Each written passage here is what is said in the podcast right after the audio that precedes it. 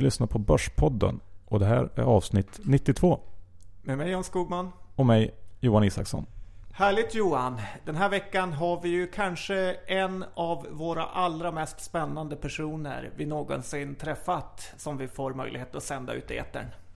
Det stämmer John. Vi har träffat den legendariska hedgefondförvaltaren Mikael Syding. Icke att eh, blanda ihop med den bittra trummisen i Gyllene Tider, Micke Syd. Nej, det är inte alls samma person. Utan den här Micke Syding har varit förvaltare på Brummefonden Futuris som eh, hade en helt fantastisk utveckling under eh, 2000-talet och bland annat fick pris för bästa hedgefonden of the decade i Europa. Och eh, samtidigt outperformade marknaden med 600-700% under den här perioden. Ja, och nu har han ju tagit och eh, pensionerat sig. Efter de här enorma framgångarna så behöver han inte jobba en dag till i sitt liv. Och ja, vad gör han? Ja, det är det vi kommer få reda på i den här intervjun. Så lyssna på den. Men först John. Eh, några meddelanden från våra sponsorer. Ja, vi kan väl börja med den härliga sponsorn Infront och deras nya analystjänst. Precis John. Eh, om man har det här pluspaketet ifrån Infront då får man tillgång till Infront Equity Analytics som är en tjänst där du kan screena fram aktier, få fram eh, konsensusprognoser, historik, eh, grafer, peers med mera, med mera. Allting du behöver egentligen för att eh, kunna vaska fram guldet ur sanden. Ja, det är fantastiskt vad man kan få tillgång till nu för tiden på sin lilla kammare. Ja, så att eh, det är värt att betala den här lilla extra pengen för att få det här verktyget tycker jag. Ja, det är det. Du Jan, vad har du sagt till din bästa kompis Per H Börjesson i veckan? Jo, jag har sagt att det är dags att erbjuda courtagefri handel i Spiltan-aktien den här veckan. Men vad sa han då, då? Ja, det sa han självklart John. Så att resten av den här veckan är det gratis handel med Spiltan-aktien under 25 000 kronor. Spiltan bjuder på courtaget och eh, anmäl dig på alternativa.se så kommer du över några billiga Spiltan-aktier. Grymt. Och hur var det med den här cirkusen? Cirkus Spiltan driver fram och efter bolagsstämman den 6 juni så är det en härlig cirkus som kostar 70 spänn och alla pengar går till Barncancerfonden. Såklart. Snart är det dags att rulla igång intervjun. Men först har vi ett riktigt bra sommarerbjudande till alla våra lyssnare. Hörde jag whiskyglas? Ja, det kommer jag. Det är så att våra vänner på Privata Affärer har lagt ihop en, ett litet paket här till, våra, till lyssnarna på Börspodden. Och det är, består av sex nummer av Privata Affärer. Två handdukar från Hamptons. Jag vet inte riktigt hur de ser ut men det är någon slags stekarmärke som är säkert bra. Två whiskyglas. Passar bra när börsen kommer att krascha här under sommaren. Och dessutom två nummer av specialtidningen Placeringsguiden. Allt är alltså för 198 kronor. Gå in på www.privataaffärer.se börspodden och signa upp. Vi twittrar ut det här också. Mycket bra erbjudande Johan. Faktiskt. Men nu är det slut sponsrat för vår del. Ja det är det. För nu kommer Mikael Syding att ta vid. Ska vi säga något om hans eh, bok The Retarded Hedge Fund Manager? Ja, både du och jag har sträckläst den. Den är lättläst och uh, ja, det finns mycket bra att ta med sig från den. Många bra tips och insikter tycker jag. Ja, det är lite av en modern klassiker. Lite Jesse Livermore-aktigt. Upp och ner, upp och ner. Mm. Så läs den. Um, och framförallt lyssna på vår intervju med honom som kommer här.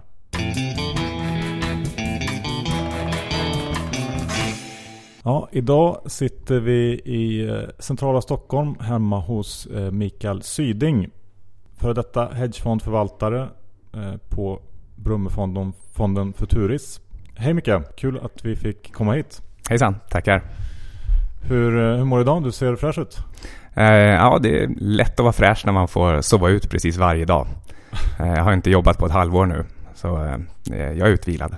Ja, det låter väldigt skönt. Du bad oss att komma hit efter tio någon gång för att du kör din eh, dagliga hundpromenad här på morgonen. Ja, precis. Eh, jag har haft henne i eh, ett halvår också precis. Så det, Det var först när jag slutade jobba som det funkar att ha hund. Eh, och nu går jag tre promenader om dagen med henne, står och kastar boll. För att våra lyssnare ska få lära känna dig lite bättre här i början så tar vi några snabba frågor. Jag kan börja med, vad tar du i bänkpress? 140 kilo. Som jag då. Eh, varför kallar du dig för The Retarded Hedge Fund Manager? Det är en eh, ordlek med retired, men sen är jag lite okonventionell också. Lite efterbliven. Vilken är den bästa bilen du ägt? Lamborghini Gallardo Spider. Hur rik är du? Tillräckligt rik för mig. Hur mycket tid lägger du ner på marknaden nu när du har pensionerat dig? Kanske uppemot fem minuter om dagen. Vilka poddar kan du rekommendera? TED Radio Hour är den absolut bästa och mest kompletta. Vill man ha en svensk så Vetandets Värld. Eh, Eller Börspodden? självklart. Om du inte hade eh, hållit på med finans, vad hade du jobbat med? Eh, robotik? På ABB Västerås? Nej, helst inte. Utan någon startup. Vad säger du om preferensaktier? En, eh, en spännande idé. Eh, det, det är inte helt dumt i, i dagens läge. Din bästa affär någonsin? Ehm, jag köpte ett litet säkerhetsföretag som hette V-Kit. Eh, och eh, det gick upp 40 gånger eh, innan vi sålde det till, till Eftnet. Eh, budet var 40 gånger mitt ingångsvärde. Ja, men det är en hyfsad affär. Kommer Apple fortsätta vara världens största företag? Nej. En motivering på den tack. Vi har så många Apple-fans där ute. Eh, det har i princip aldrig hänt historiskt att ett konsumentelektronikföretag behåller sin, eh, sin aura och sin, eh, sitt försprång gentemot andra konsumentelektronikföretag. Eh, det ser, det ser ofta ut som att de har ett, en ointaglig ledning under en period och sen plötsligt så, så blir de mer eller mindre bortglömda. Okej då, så slutligen en fråga vi fick in från Finanslina. Vilken är den bästa semester du har haft? Om jag får nämna två olika så är det dels när jag liftade till Marbella eh, som 17-åring. Eh, det vill säga med tummen genom hela Europa. Eh, och i modern tid så är det Costa Rica som har precis allt att erbjuda. Från sengångare och, och sköldpaddor till eh, surfning och strand och god mat. Ja, tack för det. Då känner vi dig lite, lite bättre. Nu, vi- tar det här från början. Ehm, vi kan väl börja egentligen från, från helt från början. Du är inte från Stockholm eller hur? Eh, nej, jag är född i Jukkasjärvi, precis där ishotellet numera ligger. Ehm, och eh, sen uppvuxen i princip i Västerås med en eh, pappa som var ingenjör på ABB eh, och sen blev jag egen företagare. Eh, när jag fyllde 18 flyttade jag till Stockholm för att plugga på Handelshögskolan. Okej, och, och Handels, var det ett, eh, ett ehm, liksom självklart val för dig tidigt? Eller ehm, halkade du mer in på det här med finans? Nej, Det var ett högst onaturligt val. Ehm, jag var alltid intresserad av eh, matematik och fysik och kemi. Men efter natur så, eh, så var jag ganska skoltrött. Och hade väl egentligen mest tankar på att kanske bli lärare i kemi eller någonting liknande och, och tittade på en, en kort kemilinje i, i Uppsala. Men så var det en, eh, en, en gammal nemesis i, i skolan som, eh, som sa att du kan ju faktiskt komma in på Handelshögskolan. Där borde du gå. Jag hade ingen aning om vad det ens var för någonting. Så jag, ja, dels så skrotade jag de där tankarna på, på kemilinjen och så sökte jag in till teknisk fysik och Handelshögskolan. Och sen när jag hade valet med, mellan vilken jag skulle gå så blev det i slutändan ekonomivägen. Just för att jag var skoltrött. Lite skillnad i löneutveckling på lärare eller hedgefond manager. Eh, ja, men, men eh, eh, jag tror att jag hade varit precis lika glad om jag hade tagit den vägen. Eh, Så säger alla rika. ja, det kanske de gör. Ehm, eh, jag tror att ehm, jag, i och med att jag verkligen gillade eh, naturvetenskap och, och, inte minst kemi och explosioner. Eh, och, och eh, blanda ihop saker, uppfinna saker. Så eh, jag, jag, tänker mig att det hade kunnat bli någon typ av Breaking Bad om jag hade blivit kemilärare och att det hade kunnat vara ganska kul. Ja, men han känner ju bra, han med. ja, och, och, det är den perfekta vägen. Göra någonting som, som man gillar och så råkar man så flyta upp till toppen och, och tjäna riktigt mycket pengar också. Men du är något typ av matematiskt eh, geni? Eh, nej, det, det, är jag verkligen inte. Eh, även om jag kanske själv har trott det ibland. Eh, men jag har kommit på i efterhand att det handlade faktiskt bara om att jag under vissa perioder i mitt liv tyckte att det var eh, det var det enklaste och mest förutsägbara att hålla på med. Och därför så, så la jag mycket tid på det. Ehm, men jag har kommit på i efterhand att jag har inte en naturlig fallenhet för matematik. Arbetsprodukt? Ja. Men, men hur mycket nytta har du haft av det då i ditt eh, finansyrkesliv? Jag tror att ehm, eh, det framförallt var eh, just bara första halvåret. Eh, jag hade gått ut från Handelshögskolan eh, och eh, ja, konstigt nog ehm, eh, med, med, väldigt bra betyg. Ehm, men lyckas ändå landa typ det sämsta jobbet i hela finanssektorn. Vilket är det? Ehm, jag, blev eh, anställd som mäklarassistent på något som då hette Skan, eh, Skandinavien fondkommission. Ehm, skulle bäst beskrivas som en third tier firma, alltså någon typ av eh, lägsta klassens fondkommissionär. Vilken skulle du jämföra det med idag? Mangold? Um, ja, alltså jag tror Mangold är bättre. Okej, okay, ja, bra rekryterare den firman eh, hade att få en toppstudent från Handels. Um, ja, det var nog så att um, dels så visste jag inte vad jag gjorde. Uh, jag hade fortfarande inte förstått vad finans var för någonting. Uh, jag hade läst American Psycho um, och, och, det var det som gjorde att jag, att jag tog Financial Economics som, som major på Handels. Ehm, men utöver det, att man skulle strypa och halshugga tjejer, så, så visste jag inte liksom vad, vad finans var för någonting egentligen. Ehm, och det här var ju 94. Så eh, det var precis i slutet, men det visste man ju inte, av en av de värsta finansiella kriserna i, i Sverige. Eh, så det fanns inga jobb. Ja, men då, då eh, som nybakad handelsstudent så började du som mäklarassistent. Och hur var det då? Jag fick hämta hamburgare.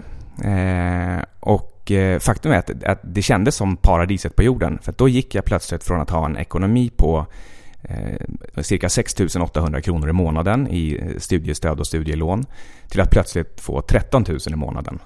Eh, så, så det här var eh, nu var jag det, liksom, plötsligt hade jag fördubblat min, min förmögenhet. Ehm, och eh, eh, även om jag jobbade väldigt många timmar så eh, äh, det, det, det, var verkligen alltså det var, det var jättekul att få göra någonting. Um, och även om jag första säg, månaden så var det ju inte mycket finans över det hela. Men å andra sidan, jag visste ju inte ens vad finans var. Um, men ganska snart så var det någon som sa att ah, men det är nog inte mäklarassistent du ska vara. För vi märker när du skriver um, att det är nog snarare analytiker du ska vara. Uh, och inom några månader så, så fick jag skriva min första analys på Perstorp. Ehm, och, och, efter det så, så blev det klart att ja, men vi, vi ska köra en, en ordentlig analysavdelning här och, och, du är en av analytikerna. Vad hände med firman sen? Um, den gick upp i Skandiabanken och blev Skandiabanken fondkommission när, när Skandiabanken startade. Jag, jag, tror det var ungefär ett år efter att jag började. Um, och jag tror att, att den finns kvar. Att Skandiabanken har en fondkommissionär och det, det borde vara den. Men just det, eh, den här frågan om, om eh, matematik.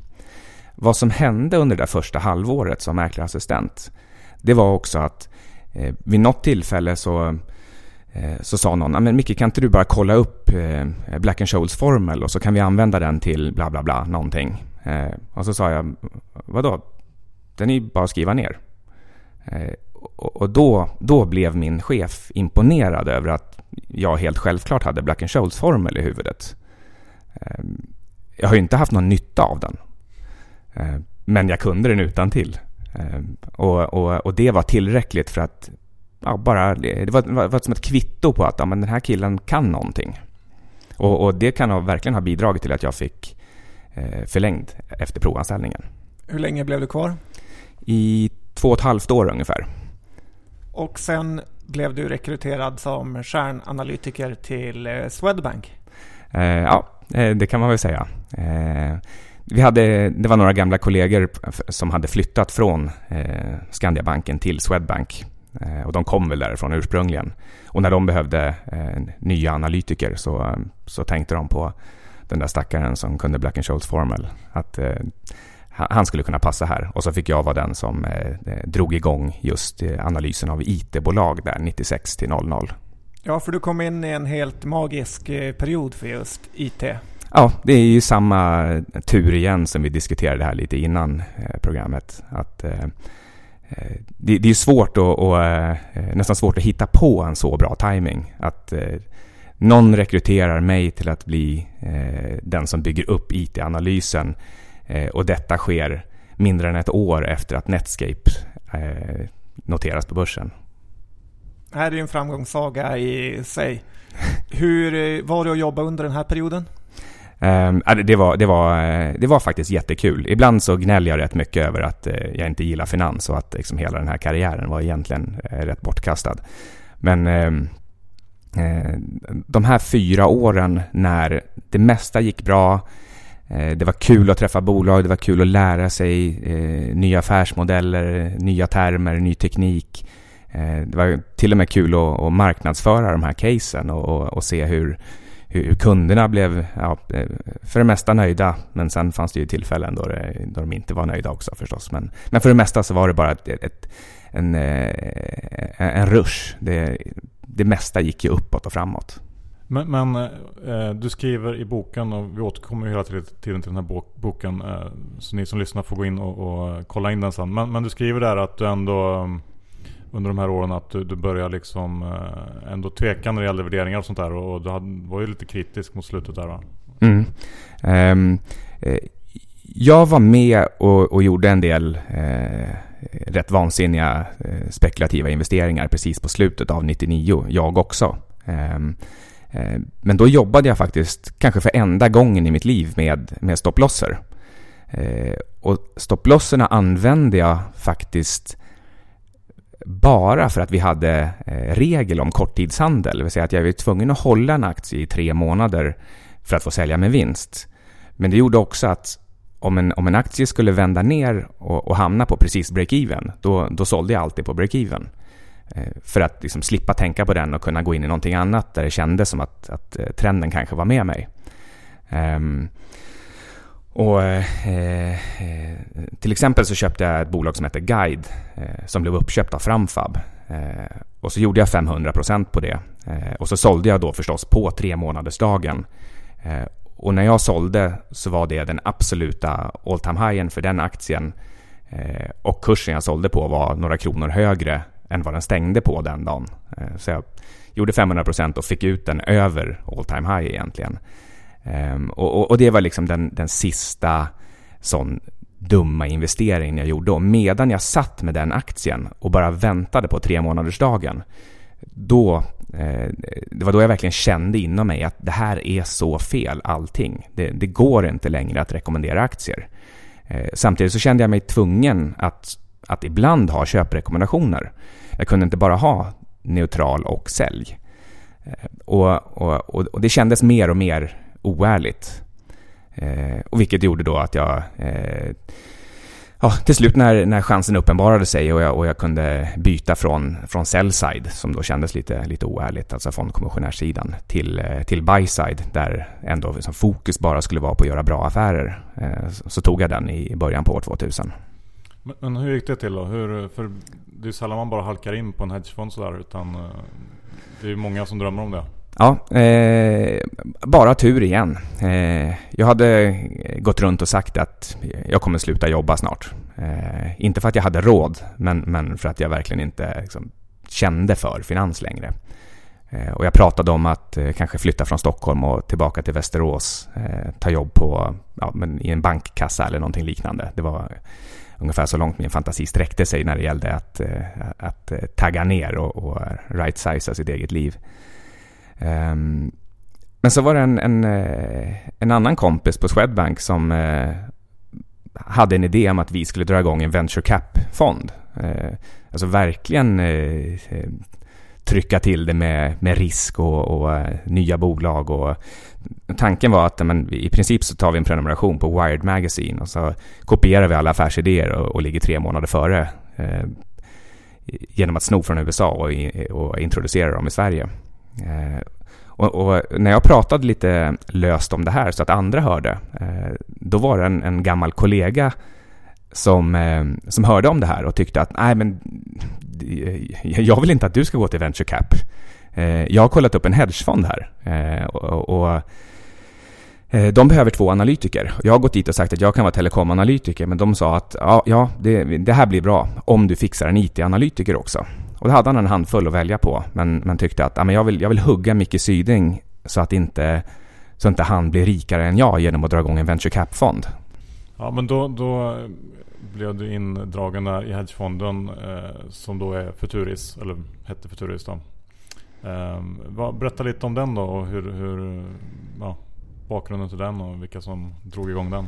Ja, eh, Arne Vågen eh, hade varit VD för Alfred Berg Norge i fem år, eh, eh, 95 till 99.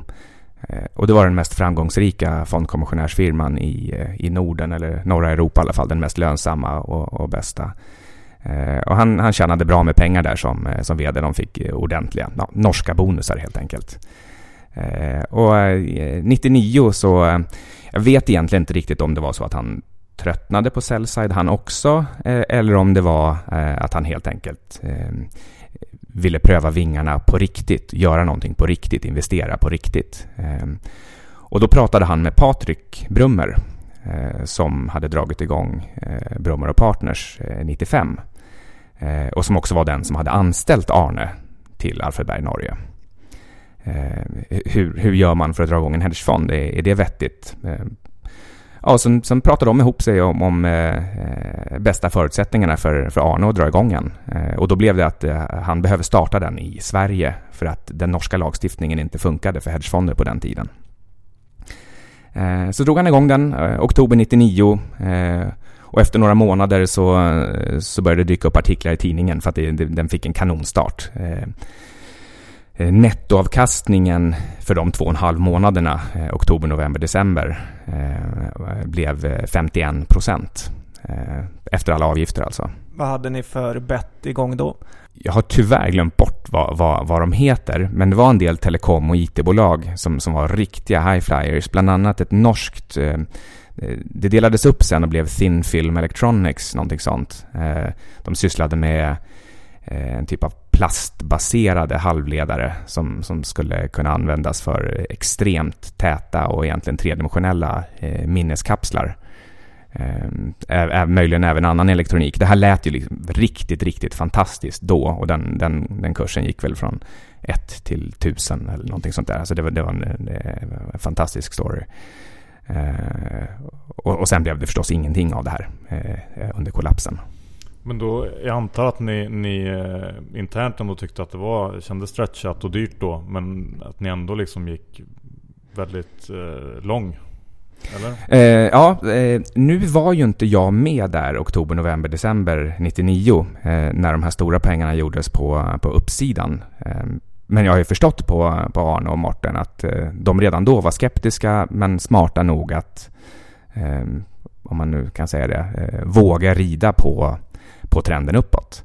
Eh, och sen var det ganska, ganska tufft att ställa om under år 2000. Eh, för det var ju inte bara så att man hittade en topp och sen, sen föll det rakt neråt i en rät linje som var lätt att spela på. Utan eh, det gick ju rejäla vågor och även, jag tror att det var september 2000, då var vi uppe på nästan en lika stor topp igen som, som vid den riktiga toppen i mars 2000. Eh, så, så, år 2000 var ett sånt riktigt, riktigt jobbigt omställningsår då vi, vi alla tyckte att ja, men det är dyrt, det här ska ner, saker och ting måste justera sig. Och samtidigt så hade man ju i minnet hur, hur, hur fullständigt vansinnigt år 1999 var och att var, varför, skulle, varför skulle vi ha förstått var toppen var om det var så tokigt då, då kan det ju lika gärna bli tokigt igen. Och i september 2000 så såg det ju ut som att ja, men nu är det på gång igen. Tänk om det här drar upp och blir ännu mycket högre eh, toppen än, än, än i mars. Ehm, så, så det, var en, det var verkligen en riktig eh, mental kamp där hela det året. Men när du tänker tillbaka på den här tiden, finns det någon punkt eller någon enskild händelse som du tror kan ha utlöst eh, kollapsen? Som att när alla förstod, nu är det en bubbla som spricker? Eh, nej, jag, jag, tror inte att det funkar så. Eh, det var så många och så duktiga och även liksom kända, erkända eh, makroekonomer och, och placerare och annat eh, som varnade från 96 till 00. Eh, och det började ju egentligen med Greenspan som sa att eh, nu, nu är ni för positiva. Det sa han ju 96, Irrational Exuberance. Eh, och, och, och, från det och framåt så var det väldigt många som, som varnade. Inte minst John Hussman. Eh, så, så, eh, och, och, och, förlåt, och, och ähm, det här med en enskild händelse. Nej, för sen när väl kollapsen kom. Säg att, den, säg att den, eh, det oscillerade en del under hela år 2000. Sen var det år 2001 som det verkligen liksom blev klart att nu ska det ner. Eh, då kom det ju rätt många dåliga IT-rapporter under år 2000. Eh, men på något sätt så, så, så fördröjdes det hela tiden ändå. Eh, att, att man lyckades skrapa fram bättre eh, resultat än man egentligen borde och man putsade med hjälp av eh, personaloptioner och eh, eh, sålde till egna bolag och det var mycket, mycket barter-ekonomi, alltså bytesekonomi där man, man bytte ett IT-bolag bytte en tjänst mot ett annat IT-bolags tjänster och sen bokförde man det här som, som riktiga ekonomiska transaktioner med ett mycket högre värde än de här sakerna de bytte med varandra egentligen hade. Ehm, eh, så, och, och, allt det här, det, det, var saker och ting som folk grävde fram och, och sa att men titta här, det, det, det är väldigt liksom fishy bokföring. Det var, det var mycket sånt. Um, sen var det väl 2001 som, som Enron smällde. Uh, och, och, det är möjligt att det, att, att det kan ha sett som kanske den eh, eh den, den riktiga triggern då möjligen, att man, man såg att, ja men okej, till och med ett så stort bolag och, och, och det är bara ett luftslott. Ja, för det var väl Enron, Worldcom och sen kom ju redovisningsfirman Arthur Anderson där som lite kollapsade allt samtidigt med ett par månader. Mm, jo, eh, och, och, men min poäng är bara eh, lite inspirerad av, av Taleb. Att eh, det är inte de händelserna som gjorde det. Eh, eh, det är någonting helt annat som hände. Alltså det, fanns en, det fanns redan en mognad i marknaden. Det är som en inför en, eh, en, en snölavin. Att du har redan alla liksom, instabilitetsfingrarna ligger redan där utspridda i, i, i systemet. Eh, och sen exakt liksom, vilken snöflinga det är som triggar det. Eh, det går egentligen inte att säga i efterhand. Det enda man visste var att systemet var redan upplagt för en kollaps. Eh, frågan är bara hur lång tid tar det innan den kommer. Och jag skulle nog snarare då säga att Enron och Worldcom, ehm, det var inte snöflingor, utan det var små laviner som, som, orsak, eller som, som, som blev följden av liksom den riktiga snöflingan som var långt tidigare. Eh, och för att inte tala om själva orsakerna, eller, eller, det som byggde upp problemen från början. Vad byggde upp det då? En övertro på hur snabbt eh, informationsteknologi skulle, skulle skapa produktivitet. Eh, och eh, Det finns någonting väldigt bra i all informationsteknologi som, som, eh, som man eh, skapade på 80 och 90-talen och som sen fick ordentlig spridning under just andra halvan av 90-talet. Inte minst då internet förstås. När, när, man väl hade sett att, att det här var någonting spännande och man, och man kunde eh, få allmänheten att tända till på idéerna eh, på, på någonting som i grund och botten var eh, nyttigt och produktivt. Eh, då startar man en sån här klassisk positiv eh, feedbackspiral. Där någonting som har en, en, en, kärna av sanning, någonting som är Eh, positivt och bra. Det leder till, eh, till investeringar som leder till mer investeringar som leder till att man, man, man tror att ja, men det här är en, eh, eh där är pojken med guldbyxorna, man kan krama hur mycket som helst ur det här och, och då leder det till ännu mer optimism och, och, och då tar folk risker och, och, ökar sina hävstänger, lånar pengar. Eh, så, så eh, eh, problemet var att man hade en bra teknologi som man sen successivt skapade en övertro till. Eh, och det här är någonting som, det, det är så här börser och, och ekonomier verkar fungera Eh, i alla tider att man alltid har en, en positiv feedbackspiral som följs av en negativ feedbackspiral. Och så oscillerar det kring eh, det som är den riktiga trenden. Ehm, och ett stort misstag som man också alltid gör ehm, det är att när man tittar bakåt på en positiv feedbackspiral eh, så får man för sig att jaha, men hög risk ger hög avkastning. Alltså man, det, det är som att man tror att det är ett samband. Eh, och det är det ju inte. Däremot så är det så att om du har fått hög avkastning, då har du nog antagligen tagit hög risk någonstans bakåt i tiden. Eh, men du råkade vara det utfallet som var på uppsidan. Men det finns lika många utfall som var på nedsidan. För det är det som är att ta hög risk. Att, att det finns en chans att förlora också. Ja, det var smart eh, matematiskt eh, sett. Själv brukar jag säga att det går upp och det går ner. Ja. Men om vi tittar på din hedgefondkarriär som var ofattbart eh, framgångsrik. Hur gick, du, gick ni in i den här eh, bear-marknaden negativa då? Um, ja. Um, men, men eh, eh, som sagt, där, år 2000 var eh, ett, ett, ett knepigt år. Det var, det var svårt att, eh, att lyckas glömma bort ehm, lärdomarna från, från uppställen under just 96 till 99 och, och inte minst då den sista galna skjutsen uppåt i slutet på 99. Eh, men, men vi var negativa, eh, var lite oklara på exakt hur vi skulle spela det här så att under år 2000 så var vi, eh, vi var nog lite nettolånga faktiskt hela år 2000 till exempel. Ehm, men, men sen år 2000, ja även år 2001 var vi lite nettolånga eh, sett över tiden. Ehm, men Eh, vi kombinerade ganska kortvariga kortpositioner i IT-bolag, ofta inför rapporterna, ehm, med långa positioner i, eh, i, i, ja, egentligen vad vi då kallade för Old Economy-bolag. Det kunde vara NCC och Peab och lite alla möjliga, eh, liksom ganska ganska trista företag men som trots allt hade låga värderingar då som var bortglömda när, när alla pengarna hade sugits in i, eh, i IT-bolagen. Eh, men vi vågade inte vara långsiktigt korta i IT-bolagen. Eh, för att mellan rapporterna så, så hände alla möjliga saker. De blev uppköpta eller kom med någon nyhet som, som kunde förefalla positiv. Och det, det var ju folk som var korta som var, var tvungna att, att täcka sina positioner då. Så det var, det var väldigt ryckigt. Men, men vi uppfattade det ändå som att Eh, de rapporterna som vi kollade upp ordentligt i, i förväg, där vi tyckte att vi förstod affärsmodellerna och, in, och, och, och mer eller mindre visste att det här, den här rapporten kan inte bli bra om de inte verkligen har fuskat. Eh, då vågade vi vara korta eh, en, en, en stund inför rapporten och över rapporten helt enkelt.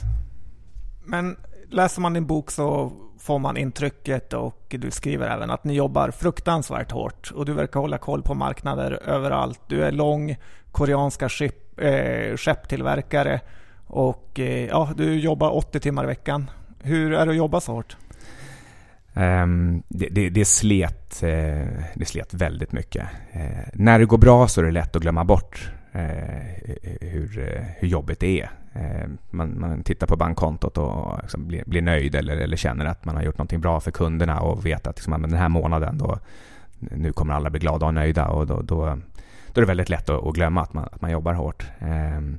Och ibland så är det också så att man bara kan fastna i en, en slags positiv trans nästan när man sitter och bara vill optimera siffrorna man har, man har i sitt Excel-ark eller, eller Eh, informationen man har fått från ett företags, eh, företagsbesök. Men, men eh, eh sett ur ett mer makroperspektiv så eh, så kände jag, från 2005 till 2015 så, eh, så var i alla fall jag så överarbetad att jag bara drömde om att sluta. Eh, och, och, och jag tycker också i efterhand att eh, det är helt fel att jobba 80 timmar i veckan. Det kan man göra när man, när man jobbar med något eh, icke-produktivt eller egentligen kanske inte så mentalt krävande jobb. Eh, om, om, man håller på med sales eller, eller kratta gräsmattor eller någonting, då kanske man kan jobba 80 timmar i veckan. Men inte om man ska tänka ut bra investeringar. Men jag menar 80 timmar i veckan, det är nästan 12 eh, timmar varje dag mm. av alla veckans dagar. Mm. Det låter ju helt orimligt. Det är inte något bara man säger för att vara tuff. Går det verkligen att jobba så hårt? Nej, det är, det är rätt många faktiskt som jobbar 80 timmar i veckan över långa tidsperioder. Eh, sen kommer du höra folk som, som säger att de jobbar 100 och 110 timmar också och då, då börjar matematiken bli rätt jobbig. Eh. Men vad får man ut av de här sista 10-20 timmarna den här veckan? Är det verkligen värt det? Nej, det är verkligen inte värt det. Det är någon slags... Eh, det är Facetime. Man ska imponera på eh, kollegorna eller så, så handlar det om att man, eh, eh man möjligen sitter och är lite ajour, li, li, lite jour, lite man, man eh, bara bevakar det som händer utan att... Ja, egentligen jobbar man inte utan man, eh, man sitter bara och tittar. Eh, och visst, det, kan finnas ett värde i att vara beredd.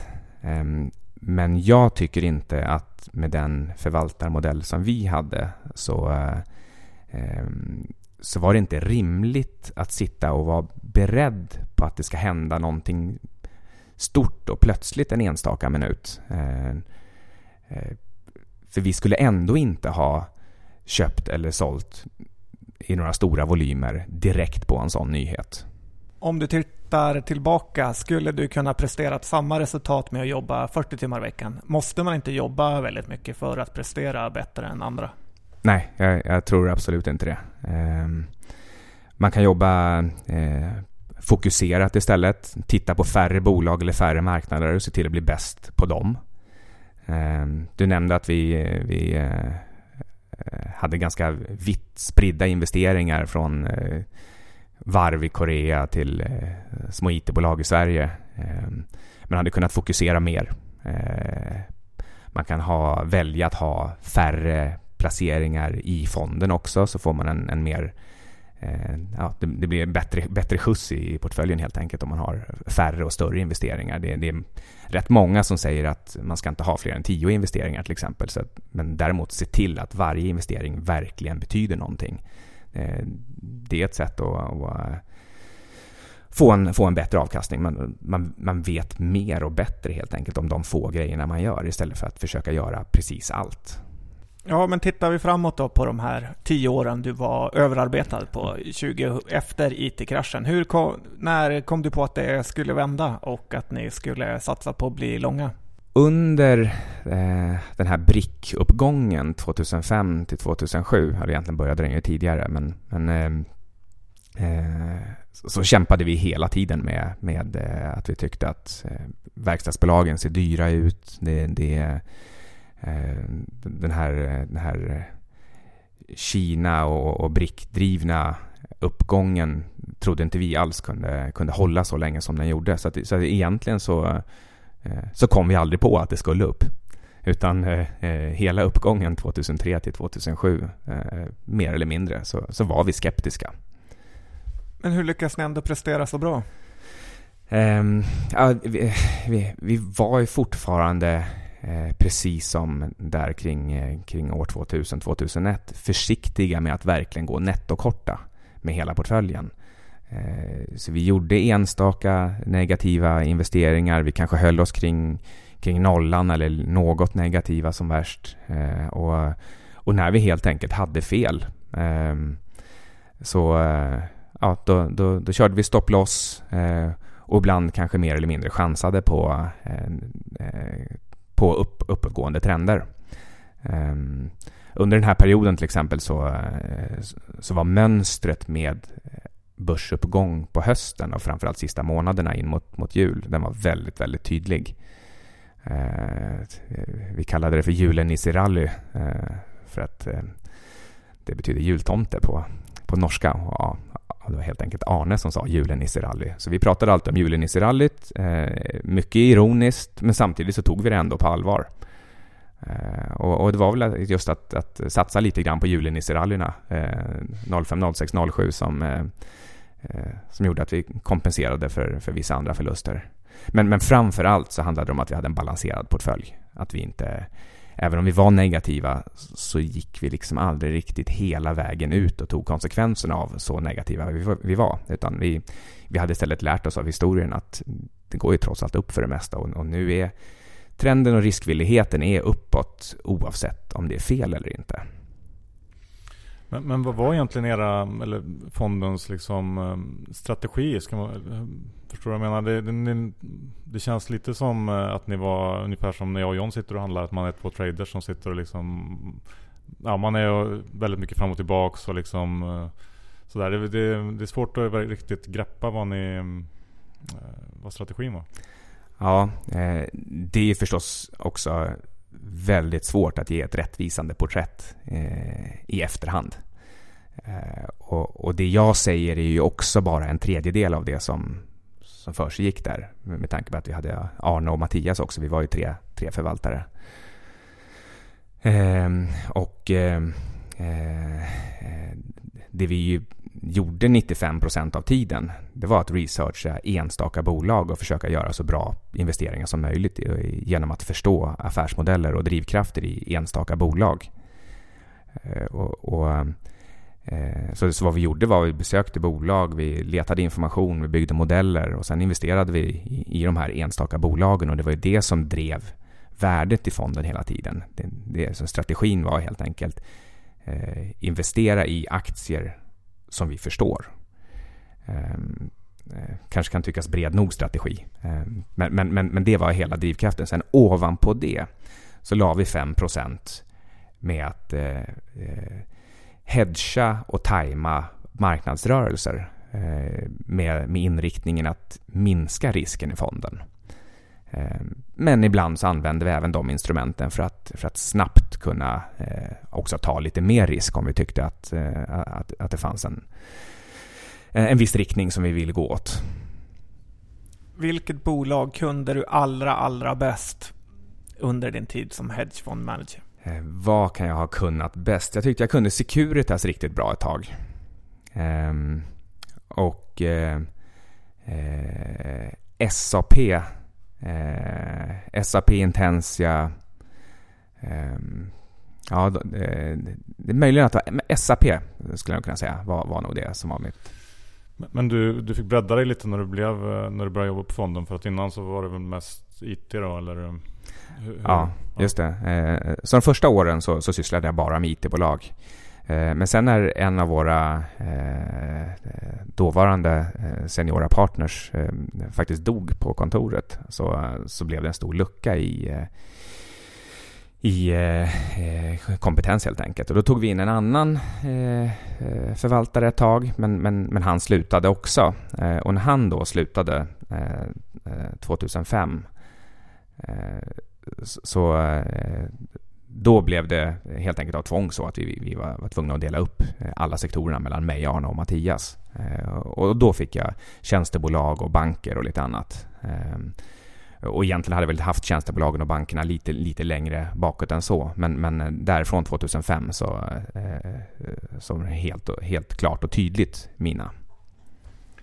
Men det låter ju som ett helt extremt arbetsschema när en av förvaltarna dör mellan mötena i en stroke som jag läste i din bok. Mm. Vi pratade ju alltid om våra investeringar med varandra. Vi pitchade dem för varandra. Vi såg till att vi förstod varför allting finns i portföljen. Så det är inte så att en person sitter och driver sin egen lilla låda, utan, utan vi eh, det här var också en sak som skilde oss lite grann från vissa andra fonder. Att, att vi hade verkligen bara en enda portfölj och den skulle alla förvaltare stå för.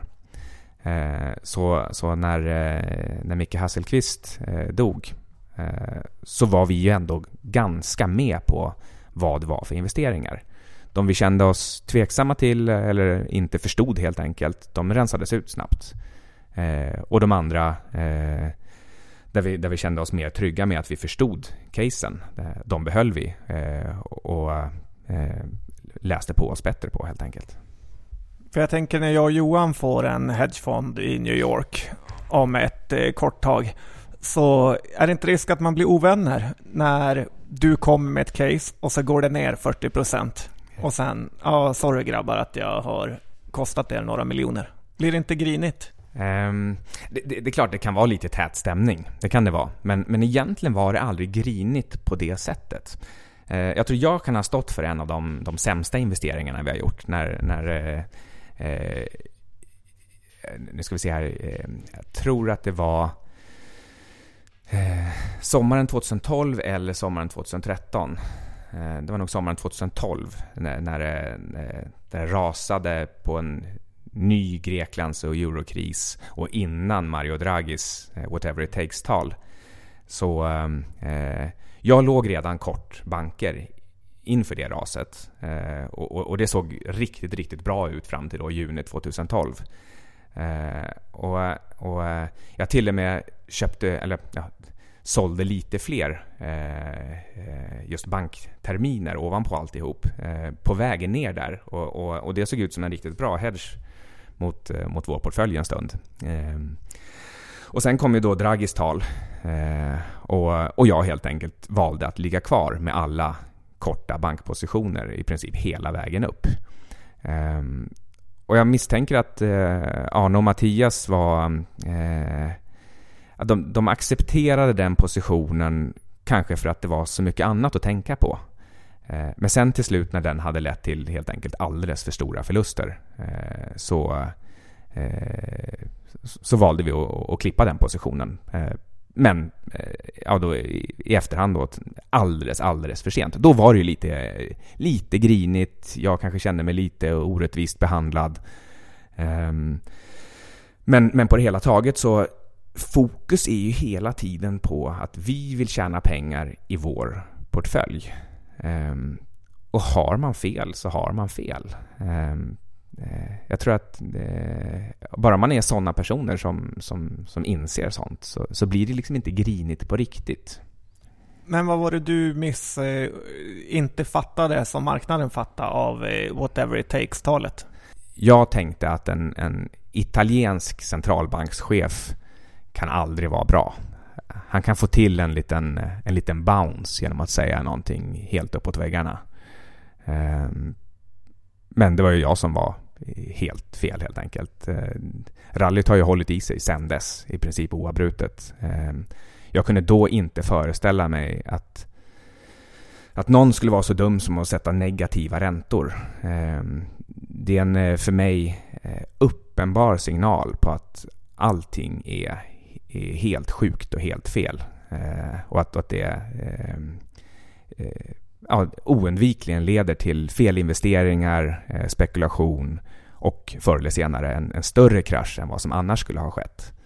Eh, och eftersom jag var så inställd på det här, nästan lite eh, moraliskt tänkande, eh, så missade jag eh, vad som händer i verkligheten däremellan. Eh, jag hade helt enkelt egentligen då glömt bort läxan att eh, marknaden vill vara positiv och marknaden hittar sådana här feedback-looper när, när den kan. Eh, och när den väl hade dragit igång, när den väl var bekräftad efter, ja, man får välja själv, några veckor eller några månader, eh, så borde jag ha förstått att eh, nu kommer det som eventuellt ser negativt ut kommer, kommer försvinna i den här virvelvinden av eh, ökad leverage och, och riskvilja så att det kommer tillfället se bra ut igen. Och det har ju, saker och ting har ju sett bra ut nu i, i tre år tack vare att börsen går upp. Eh, men underliggande så är det ingenting som har blivit bättre. Vi kan, väl gå tillbaka till, till den nulägesdelen lite senare. Men, men eh, vi har en ganska intressant händelse kvar att prata om när det gäller hedgefonden. Och det är vad som hände kring finanskrisen och inför, inför det, alltså 2008 där, 2009. Mm.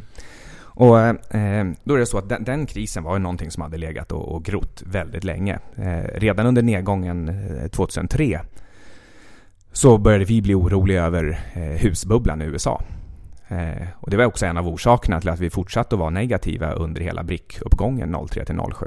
Eh, men då till slut när eh, och just det, och sen hade ju faktiskt huspriserna började ju falla 2006 i USA.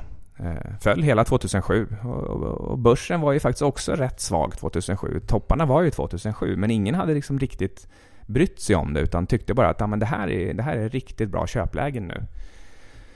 Eh, men, men vi hade ju suttit och ältat den här husbubblan i, i många år eh, och, och var rätt förberedda på att om den väl ehm, eh, manifesteras i, i, i någon typ av eh, problem för ekonomin eller börsen, eh, då, då, kommer det bli, då kommer det bli rejält illa. Eh, men precis som år 2000 så, så är det klart att vi var ju väldigt tveksamma efter att ha bevisats fel i så många år. Att, att eh, ja, verkstadsföretagen fortsatte att producera bra vinster och, och bankerna såg inte ut att, att skadas av att det var eventuellt eh, var lite små problem på, på fastighetssidan. Eh, så, så när år 2008 började så, så vågade inte vi vara outright korta. Utan, eh, men, men däremot så kände vi att vi, vi vill ha någon typ av försäkring ifall det är precis i början på året här, nu när alla är, normala fall eh, är väldigt positiva. Eh, om det då visar sig att det är något fel med, med ja, till exempel kvartalsrapporterna som presenteras eller om, eller om det kommer någon annan nyhet som har att göra just med att det är ett, ett nytt år. Eh, så, så, vi köpte eh, säljoptioner i början på 2008. Eh, och sen kom ju då en, en, en plötslig krasch, en plötsligt nedställ på 10 procent. Eh, som väl egentligen inte hade med, med finansmarknaden att göra eh, i, i, grunden. Eh, var det Jérôme Carviel som, som kraschade marknaden då kanske? Men, men det var liksom ett litet symptom på att eh, spekulationsnivån var för hög helt enkelt. Eh, och, och eh, eh, jag tror att man redan tidigare under 2007 så hade man fått lite varningsskott i form av eh, Bear Stearns hade väl problem i början på 2007. Jag för, för mig att det var då det kom.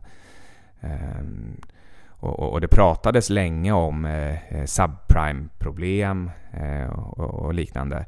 Eh, men faktum är att det var inte de sakerna som, som eh, vi tog de riktiga positionerna på i början, utan det var återigen att vi tittade noga på enstaka bolag. Och bland annat så hade vi stort fokus på, eh, på Swedbank och SE-bankens verksamheter i Estland, Lettland, Litauen.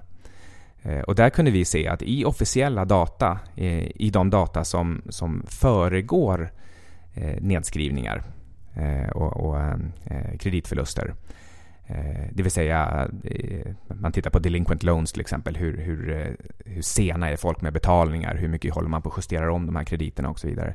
Så, så kunde man se att det här det är en ny exponentiell tillväxt i problem här. Det är bara det att det syns inte i kreditförlusterna ännu, men det, det kommer per definition synas om, om tre månader.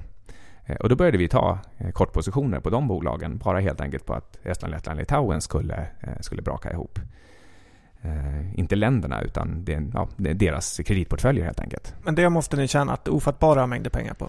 Ja, det gick, det gick väldigt bra med, just de kortpositionerna på de bankerna. Eh, och det gav oss också en eh, eh, som, som, en slags mall i, i, förhand på vad som skulle kunna hända i Sverige sen också. Eh, så, så om vi låg på förkant med vad som skulle hända i Estland, Lettland, Litauen och, och Swedbank och SE-banken så, så gjorde det också att vi hade lugn och ro att tänka eh, men vad händer om, om, eh, om det i sin tur gör att det blir en nedgång eh, i Sverige? Eh, och om det blir problem med, med bankerna och med utlåning och, och med hushållen, ja, men kommer inte det då påverka svenska verkstadsföretag också? Ehm, Eh, och så, så, så, drog vi bara hela, hela kedjan ut. Eh, och, och, just med tanke på att vi var, tack vare att vi var tidiga eh, där i Baltikum, eh, så vågade vi också trycka på med kortar i, i alla andra sektorer också. Men, men hur kom det sig, var, var, ni ganska ensamma om den här och har gått så djupt då på, på bankerna? Eller hur kom det sig att ingen annan eh, nosade upp det här också? Alltså vi fick idén eh, någonstans ifrån. Vi hade redan tittat på det men inte riktigt vågat dra slutsatserna. Men sen, sen började vi höra från andra håll också. Till och med, till och med en sån osannolik källa som en, eh, som en analysfirma eh, som, som ville dra det här caset. Eh, men inte det heller riktigt fick, eh, eh, fick något bett hos kunderna på, eh, på att faktiskt göra det. Men när, när, när vi hade hört det tillräckligt mycket från dem, eh, tittat själva noggrannare igen på våra egna data och ty- började verkligen tycka att amen, det, det, är ju så här. Det, och nu är det väldigt, väldigt nära i tiden också. Alltså det var inte längre bara det här teoretiska, men det är en, en husprisbubbla någonstans eh, som kan pågå i tio år till eller inte, utan här är det en fråga om månader till det här måste presenteras i faktiska data. Ehm. och, och, vi som sagt då fick det här, ja, det här, lite sköna mänskliga stödet av att det är någon annan som gillar det. Eh, och inte minst att det var en stor mäklarfirma. Eh, så förstod vi att ja, men de försöker ju trumma ut det här till andra. Så, så fort de får trenden med sig. Det räcker med att det liksom går ner en vecka i de här bolagen så kommer de antagligen få andra kunder att, att, att tro på caset oavsett om de förstår eller inte. Vilken firma var så smart? Um, jag, jag, kommer inte ihåg. Uh, det kan ha varit Morgan Stanley, uh, vilket gör det ännu mer osannolikt. Men uh, det, det var någon av den kalibern. Hur länge höll ni kortningarna i bankerna? Vi var i princip korta hela 2008. Vi var korta in i 2009 också. Eh, och, och eh, vi, vi, täckte till och med tillfälligt eh, i mars 2009 med en helt sagolik timing. Eh, men sen gick vi korta igen. Plus också att vi hamnade snett i, eh, i, eh, i våra kortpositioner eh, när, när bankerna gjorde sina, sina emissioner där kring mars-april 2009. Ehm, jag kommer inte ihåg exakt eh, teknikaliteterna bakom, men, någonting gjorde att vi, eh, vi fick svårt att komma ur våra kortpositioner. Men många bloggare som eh, huserar nu är rätt tuffa och säger att det var bara att köpa banker under den här perioden. Hur nära tror du att det var att de nästan gick i putten? Alltså de skulle gått i putten. Men man kan ju säga att de, de fick stöd av staten. Eh, nu, nu kanske det inte var så rent tekniskt, men, men de hade det eh, de hade muntligt stöd eh, och om inte alla hade utgått från att, att eh, de kommer räddas allihop så, eh, så hade det inte gått att sätta emissionerna. Och, och även här så var det en fråga om att man, man redovisade inte hela den förlust som man egentligen borde ha gjort utan det, det är väl också en lärdom att, att eh, bankerna tillåts alltid att manipulera sin, eh, eh, sin bokföring när det ser riktigt illa ut för att ingen vill att de ska gå omkull. Eh, men de borde ha gått omkull allihop och det gäller även, även Handelsbanken. Eh, men, men Handelsbanken klarade sig och till och med utan emission för att de andra klarade sig. Eh, och fick göra sina emissioner. Eh, så egentligen skulle det varit som i Lehman, Lehman Brothers. Alltså de, de skulle ha gått omkull. Ehm.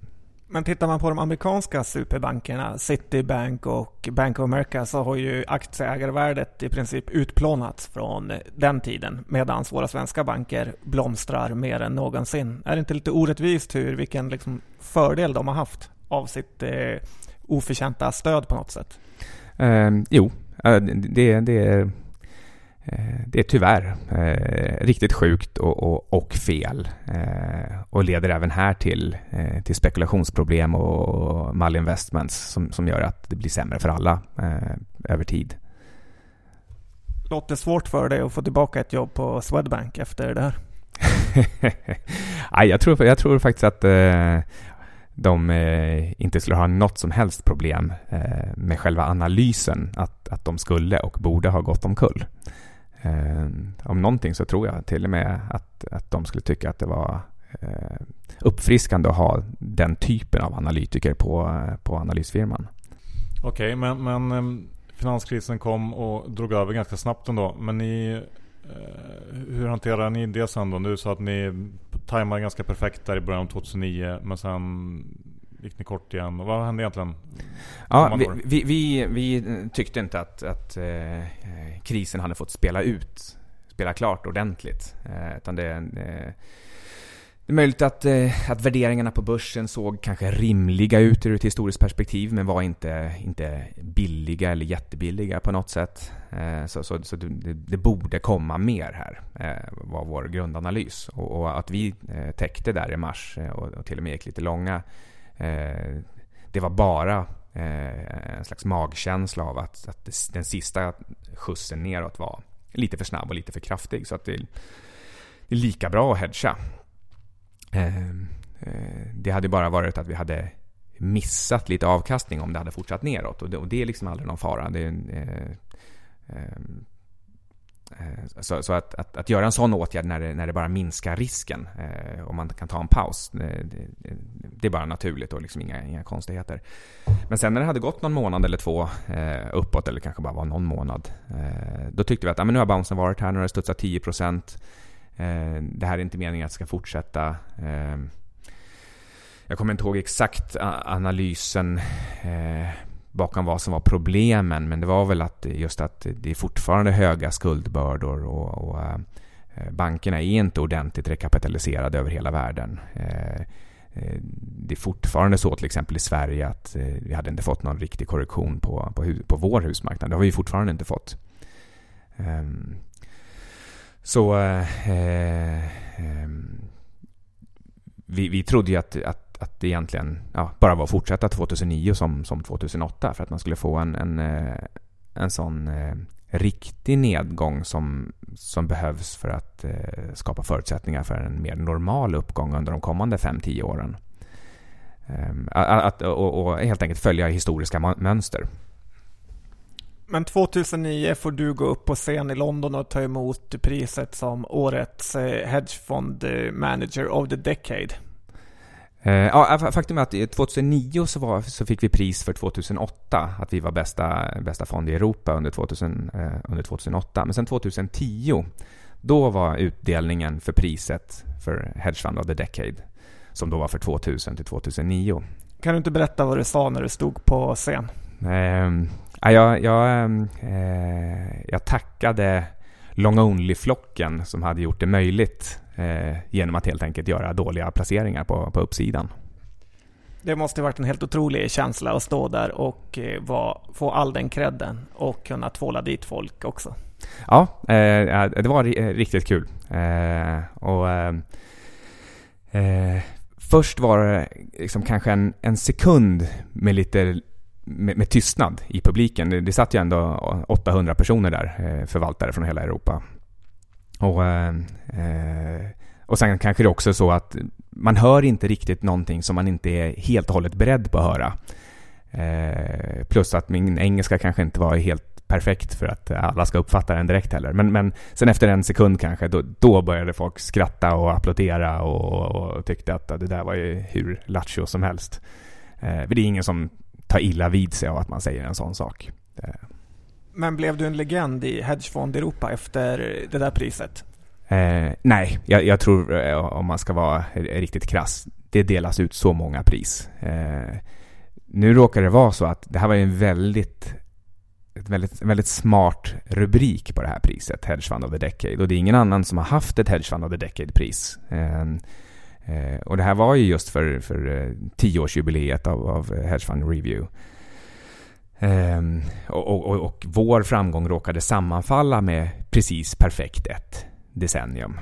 Um, men men uh, uh, de, de, flesta stora fonder i Europa som, uh, som har funnits ett tag och som gjort bra ifrån sig, de, de har tiotals priser och att vi råkar få ett pris där, där riskjusterad avkastning har varit bäst i, i tio år eh, och, och, med en häftig titel. Det, det, är ingenting som... Eh, ingen minns det egentligen.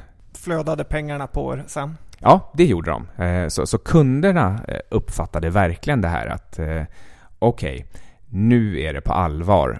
För Turis har, har ju trots allt erkänts av eh, Eh, den viktigaste eh, hedgefondorganisationen eh, och de har funnits vara, vara bäst av alla stora hedgefonder, då törs vi investera i det här som framstår som en black box. Det här som vi aldrig riktigt har förstått, vi har sett en bra avkastning, men vi, vi har liksom inte tid och ork att gå in och verkligen förstå vad det är för någonting. Det är så kunderna har tänkt. Men när de då såg det här priset, då blev det, det blev liksom sista bocken som fylldes i. Okej, de har funnits i tio år, de är tydligen bäst. En officiell organisation har erkänt dem. Ja, nu, nu sätter vi in pengar här. Men, men ni kom upp till en dryg miljard euro någonstans i, i, tillgång, eller i, i assets under management. Ehm, det känns ju som att det hade kunnat vara betydligt mer. Vad, vad, du skriver om det här i boken också. Vad var det som gjorde att ni inte blev sådär riktigt mega stora? Ja, eh, vår, vår profilering var helt enkelt oaptitlig. Eh, och, och, mycket beror nog på att, eh, att jag som Ja, eh, jag antar att jag hade, hade ansvaret för att marknadsföra fonden. Eh, det var ju egentligen inte riktigt meningen. Jag, jag var ju förvaltare eh, och sen eh, när jag var nedsövd för en, för en knäoperation så blev jag utsedd till VD. Så jag vaknade upp och var VD där 2005. Eh, och, och, tanken som VD på en hedgefond är egentligen bara att man eh, Ja, någon måste vara VD på ett aktiebolag helt enkelt. Det ska skrivas under saker och fattas formella beslut och sådär. Men, men be, besluten fattar vi ju egentligen eh, gemensamt och på styrelserna. Eh, så så en, en, en, VD på en hedgefond, särskilt en liten hedgefond med väldigt lite personal, har ju egentligen eh, inga extra uppgifter än någon annan. Men det är klart, så, så blev det bara så att, att jag tog fler kundmöten än Mattias. Och till slut så blev det så att jag tog i princip alla kundmöten, för då blev jag ju bättre och bättre, i alla fall eh, på att veta vilken information de efterfrågade. Men däremot så tog jag ju aldrig någon, något strategiskt grepp för hur, hur, ska vi, hur ska jag presentera och profilera fonden för att få bästa möjliga inflöde. Utan jag gick bara dit och sa som jag tyckte att det var. Eh, och att bara slänga ur sig att men vi sitter där tre grabbar och eh, snackar ihop oss lite grann och så försöker vi göra bra placeringar. Och ibland så latchar vi med terminen upp och ner för att, för att minska risken. Det, det, flyger inte hos stora kunder med tusen miljarder under förvaltning. Det är bra för mig och Johan att veta eftersom det är lite så vi hade tänkt att det skulle fungera. Men du hade hybris under den där perioden. För sen vid 2010 och framåt så börjar svackan om man får säga så.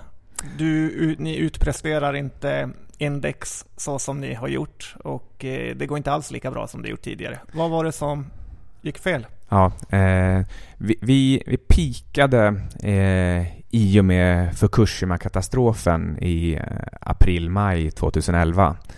Eh, jag tror att vi satte vår absoluta high eh, någon vecka in i, i maj 2011. Men den officiella hajen är väl april, då, april eh, månadsskiftet. Ehm, eh, då gjorde vi till slut då några, några, eh, några riktigt bra placeringar. Vi var, var korta inför Fukushima, eh, absolut inte därför förstås. Eh, eh, täckte under katastrofen för vi tyckte att ja, men nu, nu blev det ju faktiskt liksom lite billigare och, och, och, det var väl ett fullständigt idiotiskt skäl för att, för att det här kommer inte påverka världsekonomin på något sätt. Var ni korta i Japan eller i Sverige? Nej, vi var korta liksom, Sverige, Europa, USA. Eh, men, men alla marknader störtdök 10 procent. Eh, Japan dök ju säkert 20 då, men, men, eh, men världen dök 10 procent på, på ingen tid alls. Så täckte vi det och så studsade det upp, men så studsade det upp hela vägen upp på ingen tid alls. Och då tyckte vi att nah, men liksom, någonting har ju ändå hänt här. Så, så kortade vi igen där eh, efter bara några dagar. Eh, och så föll det ihop nästan ända, läng- nästan ända ner och, och där köpte vi igen. Eh, också bara det är klart, det, det, det, är lite tur och det är lite känsla. Vi tyckte att, ja, men, har, det, har det fallit ihop så här mycket på bara några dagar igen? Ja, men det var ju fel. Eh, nu köper vi lite igen. Eh, och sen när vi väl hade börjat köpa där, då fortsatte vi köpa. Eh, så köpte vi hela våren och, och sommaren eh, och tyckte att ja, men nu, nu är det slut på kriserna. Det vände ju egentligen 2009 och nu fick vi en gratis chans här plus lite extra poäng kring Fukushima. Så nu har vi verkligen chansen att gå, gå riktigt långa och bara liksom vara med och, och segla på den här liksom uppgångsvågen som vi ser framför oss. Eh, så vi, så vi, eh, ja, vi, vi, köpte ju hela vägen fram till eh, egentligen där då augusti, precis på tippen till den här eh, ja, nya eurokrisen. Eh, var väl augusti 2011 har jag för mig. Eh, och, och, verkligen med eh, eh, hjärtat i halsgropen köpte säljoptioner innan liksom det här riktiga raset tog vid. Vi hann förlora lite pengar, fick lite dålig känsla i magen, tyckte att det var lite för mycket snack om om det var USAs eh, skuldtak och, och, och Greklandskrisen och liksom, det var flera olika saker som, som liksom grodde i bakgrunden utan att riktigt få fäste i börsen. Och då, då tyckte vi till slut att nej, vi, vi, måste i alla fall köpa någon typ av säkerhet här. Vi kan liksom inte bara säga att ja, men nu ska det gå upp i fem år och, och så ligga på det sättet. Det, det är inte så vi placerar. Vi måste ha tänka, eh, tänka mer långsiktigt, tänka mer på kunderna och, och, och se till att inte göra någonting dumt i onödan. Ja, och så kom då den här augustikrisen. Eh, och, och, då klarade vi ju den riktigt, riktigt bra.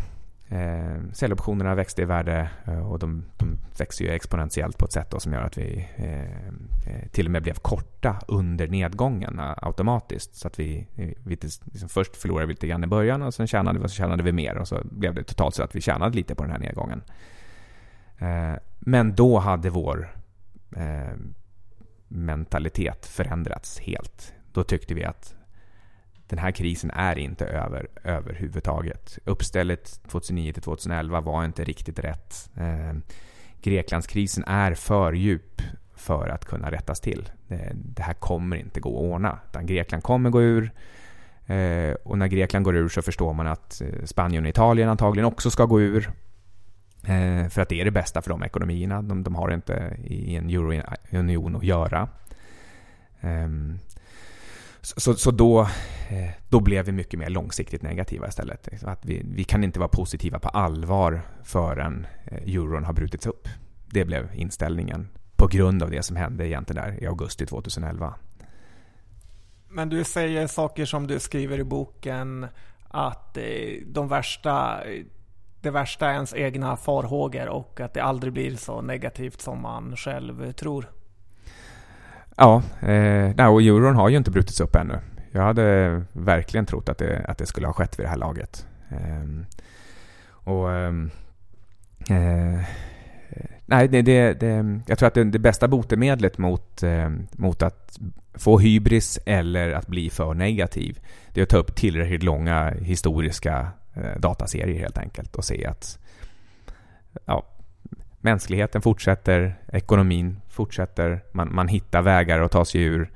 Eh, visst, det kommer alltid oscillera kring, eh, kring den här liksom grundtrenden och trenden kan bli lite svagare eh, eller lite starkare under perioder. Men, men, men, i grund och botten så är det här eh, eh det är, det är, cykler som snurrar fram och tillbaka kring, kring en hyggligt stabil trend och trenden beror på att eh, människor sakta anpassar sig till, eh, eh, till nya saker. Eh, så, så, nästan oavsett vad teknologin gör i bakgrunden så orkar vi bli någon procent mer produktiva per år.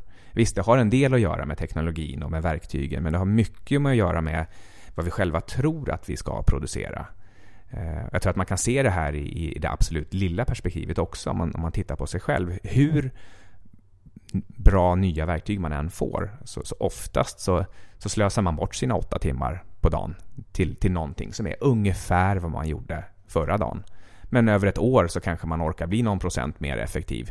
Eh, och, och, och, känner sig glad och nöjd med det. Tycker att det, det är tillräckligt. Jag tror att det är någon sån underliggande eh, mental både, eh, både bromskraft men också en, eh, just det här att man, man flyter uppåt någon procent per år så, som, som ligger bakom allt det här spännande tankar i det lilla och det stora. Men innan vi går över på lite andra saker, kan du inte berätta hur vad som fick dig att eh, avsluta det här framgångslivet som hedge fund manager? Um, eh, från 2005 och framåt så, så tänkte jag ofta på att jag eh, inte borde göra det här. Eh, att det var inte det mitt liv gick ut på. Eh, jag var alltid intresserad av teknologi och innovationer och eh, inte minst av att läsa, eh, kanske även av att att slappa i största allmänhet och, och, att sitta och stirra på, på börsen i, i all oändlighet och, och och, eh, mer eller mindre gissa vad olika företag och, börsen skulle ta vägen. Det, det, var liksom inte, det var aldrig min dröm överhuvudtaget. Jag halkade bara in på allt det här. Och, och, i takt med att jag tyckte också att marknaden återigen, så som jag tyckte där kring 00, eh, då tyckte jag att sellside började bli oärlig. Men nu började jag tycka att, att marknaden i sig var oärlig. Eh, centralbanksstyrd, politiska beslut eh, var, var, det enda som, som, som styrde alltihop. Och inte minst eh, eh att eh, high frequency trading blev, eh, har, har ja, tagit över börsen i princip. Så att, så att nu jag tycker nästan att det inte går att fatta eh, rationella investeringsbeslut på börsen längre. Eh, vare sig lång eller kort. För den, den eh, det är inte riktigt en marknad längre. Eh, det, är inte här, här, här pratar vi inte om folk som köper och säljer saker för att de tror eller inte tror på framtiden. eh, hos ett bolag och dess kassaflöden. Det är någonting, någonting helt annat. Nu, nu är det ett kasino. Eh, och i takt med att, Eh, att jag fick mer och mer den här känslan eh, och i takt med att jag mer och mer kände att eh, det var ju inte alls det här jag skulle göra med mitt liv. Och förstås också i takt med att, att jag hade tillräckligt mycket pengar. Så, så växte känslan av att snart ska jag sluta. Men bland annat på grund av lojalitet, för att jag förstod att det skulle kunna leda till lite turbulens på firman och bland kunderna i och med att det var jag som hade kundkontakterna. Eh, inte så att de skulle stanna eller sluta på grund av mig, men de kunde uppfatta att jag var en, en större nyckelperson än jag egentligen var. Eh, och därför ville jag vara, vara försiktig med tajmingen när jag slutade. Eh, men alla de här sakerna eh, betyder egentligen bara att eh, jag ska sluta, men vad ska jag hitta för trigger för att sluta? Eh, och då, då, var det så att jag hade, hade pratat med författaren Grant Anderson eh, som eh, skrev den här boken om eh, eh finansmarknaden och, och, jobbet som analytiker i, eh, i London. Eh, jag kommer inte ihåg vad den heter nu. Någon, in, in, inte Flashboys, eh, men den heter Cityboy. Cityboy. Ehm, och, och han, han slutade och blev författare. Så jag kontaktade honom och bara frågade hur, hur han tänkte eh, inför att han skulle sluta. Och, och jag beskrev min situation, eh, precis hur jag tänkte. Eh, och då sa han så här. Eh, när du känner att tanken på att stanna i två år till är helt orimlig. Eh, det går inte. Du, kan, du, du kräks vid tanken på att stanna i två år till. Då ska du sluta den dagen. Eh, så i princip, eh, kan säga från 2010 till 2015 eller 2014 då, så, så eh, gick jag runt och liksom kände efter lite grann då och då. Eh, ska jag stanna i två år till? Ja, men det, det ska jag. Det, det, är nog bra. lite mer pengar, det är schysst mot, mot resten av firman. ja, det, det, liksom, det, det kändes okej okay att stanna två år till. Men sen plötsligt en, en, dag i någon gång januari, februari eh, 2014 eh, så blev svaret på frågan att nej, jag kan inte stanna i två år. Det är helt orimligt. Jag kan inte, jag kan inte tänka mig att, att köra en omstart här, att liksom försöka börja eh, ta portföljen ordentligt på allvar eller börja söka efter nya bolag i två år. Och, eh, jag såg liksom inget... Det verkar inte finnas något slut på de här centralbanksdumheterna heller. Eh, så, så, när tanken kom att det går inte att stanna två år, då, då kunde jag inte stanna en dag egentligen. Så då, då började jag säga det till Mattias Arne att eh, jag slutar. Men då la ni ner hela fonden istället för att rekrytera en ny? ja, man skulle ju... Eh, jag skulle ju för mitt egos skull kunna liksom skriva historien så. Men så var det absolut inte. Utan de tyckte att, ja men vad bra, om du har tappat sugen Eh, då, då, då ska du ju sluta förstås. Eh, vi är inte så sugna på att anställa någon ny så att vi tar över dina uppgifter och, och ser vad vi kan göra. Eh, och inte minst med, med stöd av analytikerna. Våra analytiker var ju eh, i högsta grad förvaltarmaterial. Så, så eh, att se till att någon av dem eller de tillsammans tog över mitt jobb var inga konstigheter alls. Alltså ur ett rent tekniskt perspektiv så, så kunde jag verkligen gå i mer eller mindre på dagen utan att det eh, skulle bli så mycket som en krusning inne i Futuris. Ehm, eh, men eh, vi kom ändå överens om att, att jag kunde stanna som VD. Det vill säga, ja, men då behöver jag inte jobba. Behöver inte liksom fundera på portföljen. De köpte loss mina aktier eftersom om jag, inte är, om jag inte är förvaltare så ska jag heller inte ha del i, i resultatet. Och, och, och, som VD så, så, skulle jag egentligen bara sköta, eh, ja, se till att sköta de löpande sysslorna och, och kanske successivt slås över eh, kundansvaret till eh, någon annan. Vad har du gjort nu sista tiden då, sen du slutade som VD också på Futuris? Eh, jag bloggar. Eh, så eh, mer konceptuellt, vad jag, vad jag ägnar dagarna åt är att ta in information och sen skicka ut den i ett annat, eh, i ett annat format. Eh, så jag försöker bara lära mig så mycket som möjligt om allting sånt som, som jag tyckte var kul när jag var yngre. Eh, jag läser artiklar, lyssnar på podcasts, ehm, försöker bara ta in information om framförallt ekonomi och teknologi och vetenskap i, olika format. Och sen det jag tycker är mest spännande försöker jag förmedla ut till andra via min blogg. Eh, och, det är allting från, eh, från små filosofiska tankar som jag har kring, eh, alltså, som kanske har formats under den här resan från, ehm, ja, men från ingenting, e-, egentligen en ganska fattig och mobbad kille, till att ha gott om pengar och, och eh, ha kunnat sluta jobba. Eh, men också under den resan insett att Eh, det aldrig egentligen var pengarna som drev mig. Eh, som ni sa, det är ju lätt att säga när man, när man har dem. Jag tänker ju definitivt inte ge bort dem. Men eh, eh, jag har ju kommit på sådana saker som att eh, det är lite kul att köra en Lamborghini ett tag. Men, men faktum är att eh, det är mycket roligare att, att, titta på en Lamborghini som kör förbi än, än att sitta i den.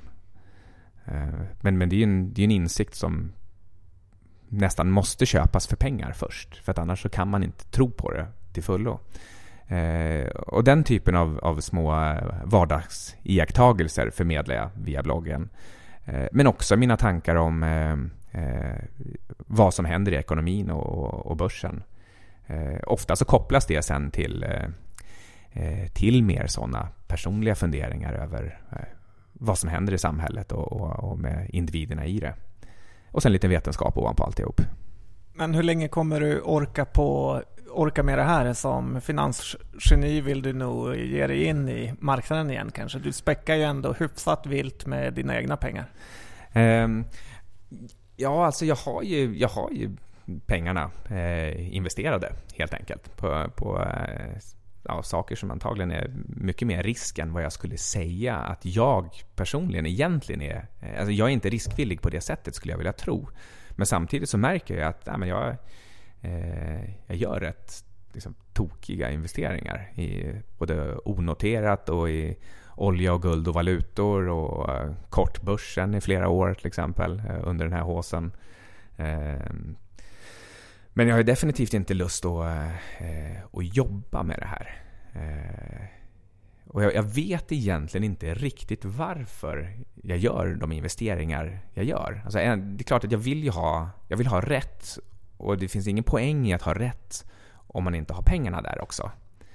Ehm, men jag gör det i grund och botten inte för att få mer pengar. Eh, och skulle jag förlora tillräckligt mycket, ja då stryper jag vid någon nivå så att jag bara helt enkelt slipper, slipper börja jobba igen. Um, så, så, så jag är absolut inte sugen på att ge mig in i det här på det sättet som du uttrycker det. Men du skriver att eh, investering är vad som definierar dig, hur du investerar. Och det är lite det du pratar om nu, att eh, du vill ha rätt hela tiden. Ja, och, och, och eh, med, med att investera så menar jag oftast inte finansiella investeringar. Utan jag, jag investerar i, i mig själv och min lycka och min kunskap. Eh, så att jag, vad jag pratar om ofta det är att eh, att investera för mig, det betyder att man bygger en grund och sen bygger man någonting ovanpå grunden. Och sen gärna att man använder någon slags hävstång eh, för att få ut mesta möjliga värde av det här som man, som man bygger. Och det kan, vara, det kan vara att man investerar, investerar man sunt i saker och ting som, som har ett värde, som innebär produktivitet, som, som, som skapar någonting, ja, då kommer pengarna också växa exponentiellt. Det är ett sätt att investera. Ett annat sätt att investera är att alltid utmana hjärnan på, på nya saker. Då kommer hjärnans, eh, alltså neuroplasticiteten, kommer, kommer utvecklas. Eh, du kommer hålla dig ung och Alzheimers fri mycket längre eh, ur ett rent mentalt perspektiv. Och dessutom så lär du dig förstås massa saker som, som du kan använda till någonting annat. Ehm, men så, så det jag oftast pratar om när jag säger investera, det är att jag helt enkelt tar in så mycket information som möjligt som kan användas för att på något sätt bygga ett större jag. Men vad tänker du att det här ska mynna ut i? Är det, du pratade tidigare om att du skulle skriva kanske fler böcker. Är det något sånt uh, som du tror att det blir? Eller? Ja, det, det är det mest konkreta som ligger framför mig. Ehm, bloggen går mycket ut på att få fler personer som, som gillar det jag skriver att, att samlas på ett ställe. Eh, och det gör jag i form av att bygga en e-mail-lista. Och e-mail-listan som den är nu så är det helt enkelt bara att eh, man får min första bok om man, om man ger mig sin e-mailadress. Eh, och sen får man uppdateringar om, om de flesta av de blogginläggen som jag skriver. Gillar man det här så kommer man ju hänga kvar som e-mail eh, subscriber och, och, kanske även skicka vidare eh, till, sin, till sina kompisar så att det kommer in ännu fler. När de är tillräckligt många så kommer jag vilja skicka ut framtida böcker till dem. Eh, och, och, i början kommer de vara, vara gratis, precis som den här boken. Att, att jag helt enkelt bara vill sprida så mycket information som möjligt. Eh, men förr eller senare, någon gång långt in i framtiden, så, så kommer jag säkert tycka att någonting jag gör är tillräckligt bra för att ta betalt. Eh, och då är det inte i grund och botten ta betalt för att jag vill ha pengarna. Eh, klart jag vill ha lite grann ett kvitto och erkännande på att det jag gjorde var så pass bra att folk vill betala för det. Men också så tror jag att när någonting kostar då upplever mottagaren också att, att det är viktigare att, att både läsa den och kanske prata om den. För då är det en riktig bok, inte bara någon, någon pdf. Eh, så någon gång långt in i framtiden så kommer förhoppningsvis någonting jag gör finnas på åtminstone Amazon Kindle.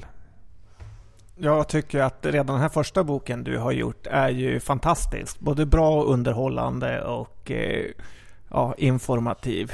Och definitivt värt att läsa för en eh, späckare. Så imponerande att du inte tar betalt för den. Ja, eh, kul att höra. Jag såg en recension här eh, som kom ut för några dagar sedan på, på nätet. Den, den säger att den är, den är amatörmässig, kort och dåligt skriven, men, men rather fun. Och sen också avsluta faktiskt med en highly, highly, highly recommended. Eh, och till och med required reading för vem som än som, som sysslar med investeringar. Så den, jag tycker att den, eh, den recensionen, den är verkligen den är spot on. Eh, jag sticker inte under stol med att som, som författare så är jag ju amatörmässig helt enkelt. och den lilla biografi som finns där i, ja den är, den är kort och, och dåligt skriven. Det håller jag också med om. Men varför skriver du på engelska? Du lär ju ändå få dina mesta fans i Sverige. Eh, Nej, det är verkligen inte så hittills. Eh, 85% av läsarna är eh, icke-svenskar. Eh, de absolut största är i USA. Det är, det är hälften av läsarna är från USA. Och, och jag fick faktiskt också det här tipset från ja, från en kompis helt enkelt som, som tyckte att men Micke, ska inte du liksom sluta fjantblogga och försöka liksom strukturera om bloggen och skriva på ett sätt som gör att, att folk faktiskt eh, ja, blir sugna på att läsa den här. Eh, och, så, och, så, fick jag lite tips om, om hur man liksom inte bara skriver en dagbok på nätet utan hur man faktiskt liksom gör en, en sajt som är lite mer eh, enkel att ta till sig och intressant. Eh, och då kom det också fram just att målgruppen för mig verkar snarare vara eh, unga ambitiösa amerikaner någonstans mellan 20 och 30 som, som kanske möjligen vill in i finansbranschen eller som är lite vilsna och inte liksom vet om de, om de borde bli författare eller, eller, eh, eller någon typ av som high-flying eh, tjänstemän. Ehm, och, och, och, jag hade inte riktigt uppfattat att samma kategori människor fanns i Sverige, och åtminstone inte i samma volym. Men de är ju några fler där borta. Vi kommer fixa dem åt dig. Men vad betyder det här ordet eh, spetsurian? Ja, just det. Eh, Sprezzatorian, som, som är mitt eh, då uppenbarligen värdelösa artistnamn är. Eh, sprezzatura är en italiensk term för, eh, man kan kalla det för utstuderad nonchalans.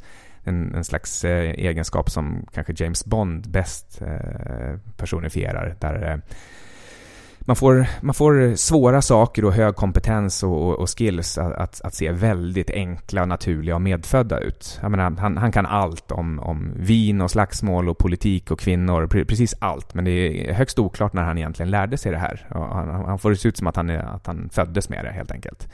Ehm, och jag menar ibland också att eh, eh mycket av min karriär, som jag, jag använder ju ofta ordet tur, um, känns som att den den bara liksom, ja, den halkade in, jag halkade in på den och, och, och eh, framgångarna gavs till mig utan att jag...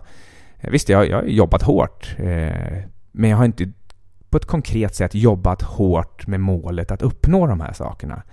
Utan jag har bara, bara jobbat hårt som, som en åsna. Eh, och sen har saker hänt runt omkring mig. Tur i timing när jag eh, bytte från sell-side till buy-side och, och, och, vissa affärer under, under hedgefondtiden. Och, att jag inte bara råkade sluta i finansbranschen alldeles för tidigt eller bara för den skull att, att jag inte gick den här kemilinjen i Uppsala utan, utan började, med, började på Handels för att jag var skoltrött. Men det, allt det här andas just liksom Sprezzatura. Att, att eh, eh, ja, eh, jag, jag, jag nådde rätt högt i en del områden och, och, eh, och det gjorde jag utan att anstränga mig. Bra, då har vi fått det förklarat också. Du, innan vi... Eh, tiden går och vi har kört en och en halv timme. Men innan vi avslutar så måste vi ändå gå in lite på eh, vad du tror om börsen och ekonomin just nu. Det är ju under Börspodden som eh, du pratar med. Så att, vad, vad är din eh, syn just nu? Ja, jag, jag, nämnde ju det här med självförstärkande eh, loopar och, och eh, positiva spiraler. Och eh, jag tror att bo, alltså både ekonomin och börsen är inne i en sån positiv eh, feedback-loop nu. Man, man, man, tar större risker och, och använder mer hävstång. Eh, och, och, börsen har, har gått upp i, i 6-7 år. Eh, eh, nästan alla börser är på all time high. Ehm, i, i, det här läget så, så, så finns det liksom en, en, stor positivism där ute och den, den, är svår att bryta. Och det märks inte minst på den här by the dip mentaliteten. Det, så fort det är minsta dipp så tycker folk yes, äntligen fick jag den här börsen 3% billigare. Eh, och, och eh, bara att det har gått så pass lång tid som det har gjort sedan, sedan botten. Eh, eh och det här, det här eh, odiskriminerande köpandet. Att, att man Eh, Eh, verkar liksom inte tänka efter hur framtiden ska se ut, eh, hur saker och ting hänger ihop med värderingar och, och vinstmarginaler och, och, och liksom alla, alla fundamentala faktorer som, som ligger bakom av de kassaflöden som egentligen ska skapas på börsen, det som man faktiskt betalar för. Eh, och ovanpå alltihop det här med negativa räntor som är så, som är så uppenbart dumt. Alla som har läst ekonomi vet att tanken är liksom att en, en, en krona imorgon är värd mindre än en krona idag. Och det liksom ligger bakom eh, hur man räknar på investeringar, varför man gör investeringar. Ehm, eh, och, och, och, det här har man bara liksom trasat sönder från centralbankshåll. Ja, det, det håller en liten stund och nu har det hållit eh, mycket längre än jag och många andra skulle tro. Ehm, och börsuppgången har varit längre än, än vad den borde ha gjort och den startade från fel nivå redan då. Eh, från bara kanske rimliga värderingar till att nu vara extremt högt värderade. Och sen döljs det lite grann av att ekonomin har gjort samma sak. Liksom att även där så, så ja, men vinstmarginalerna är, är höga. Eh, det låter ju bra. Men det är bara det att de, de är aldrig det jättelänge. Eh, det är liksom själva, själva idén bakom, en, en, en, eh, bakom ek ekonomin och vinstmarginaler är att är de för höga då kommer in konkurrenter. Och vi ser ju också hur det ploppar upp massor med startups eh, som inkräktar på, på gamla firmors lönsamhet.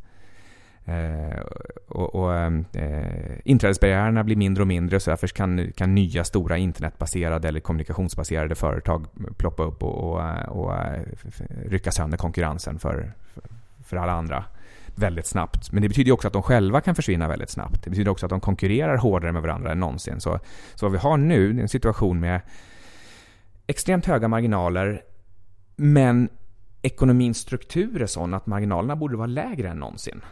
Just för att det är lägre inträdesbarriärer och, och högre konkurrens. Det, det, är lättare att konkurrera nu. Eh, så, så det här med, med mean reversion in, inom eh, vinstmarginaler, det tror jag definitivt kommer komma tillbaka med, med, liksom, med extra kraft. Eh, och en undershooting dessutom, så vi kommer få se inte bara att vi går ner till genomsnittliga historiska vinstmarginaler, utan ett tag kommer vi ligga under också.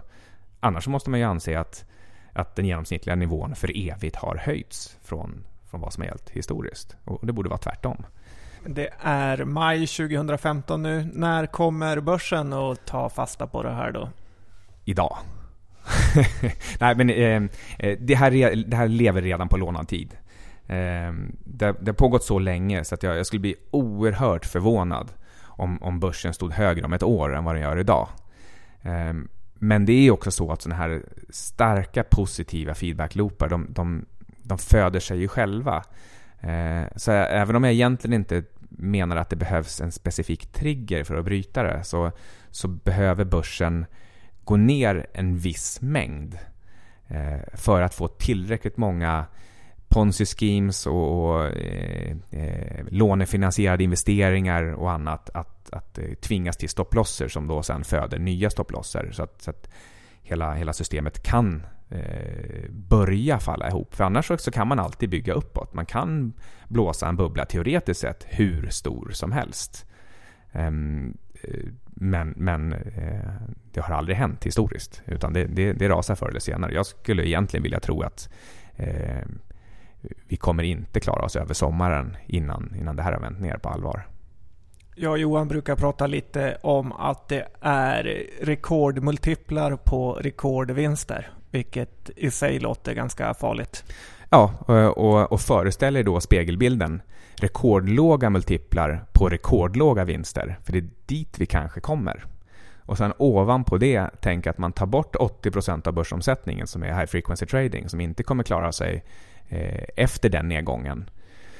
Eller som i alla fall drar sig, drar sig ur den när de har ja, de få som lyckas tjäna pengar på den. Och sen de kvarvarande 20 procenten eh, eh, som bland annat har handlat mer än vad de normala fall skulle gjort bara för att det, för att det är hås, att de förvandlas till 10 eller 5 procent. Eh, så, så blir börsomsättningen en tjugondel av vad den är idag. Så rekordlåga multiplar, rekordlåga marginaler och en tjugondel av börsomsättningen. Det låter som att du är monsterkort när man hör det här. eh, ja, många skulle nog tycka att jag är monsterkort. Eh, jag är inte levrat kort. Men, men Eh, i princip hela... Eh, allt jag har på börsen i princip är kort OMX och lång guld. Ser du inte någon möjlighet till att du har fel? Energipriserna kraschar, folk får mer pengar. Vi kanske ska ha låga räntor för alltid, typ Japan.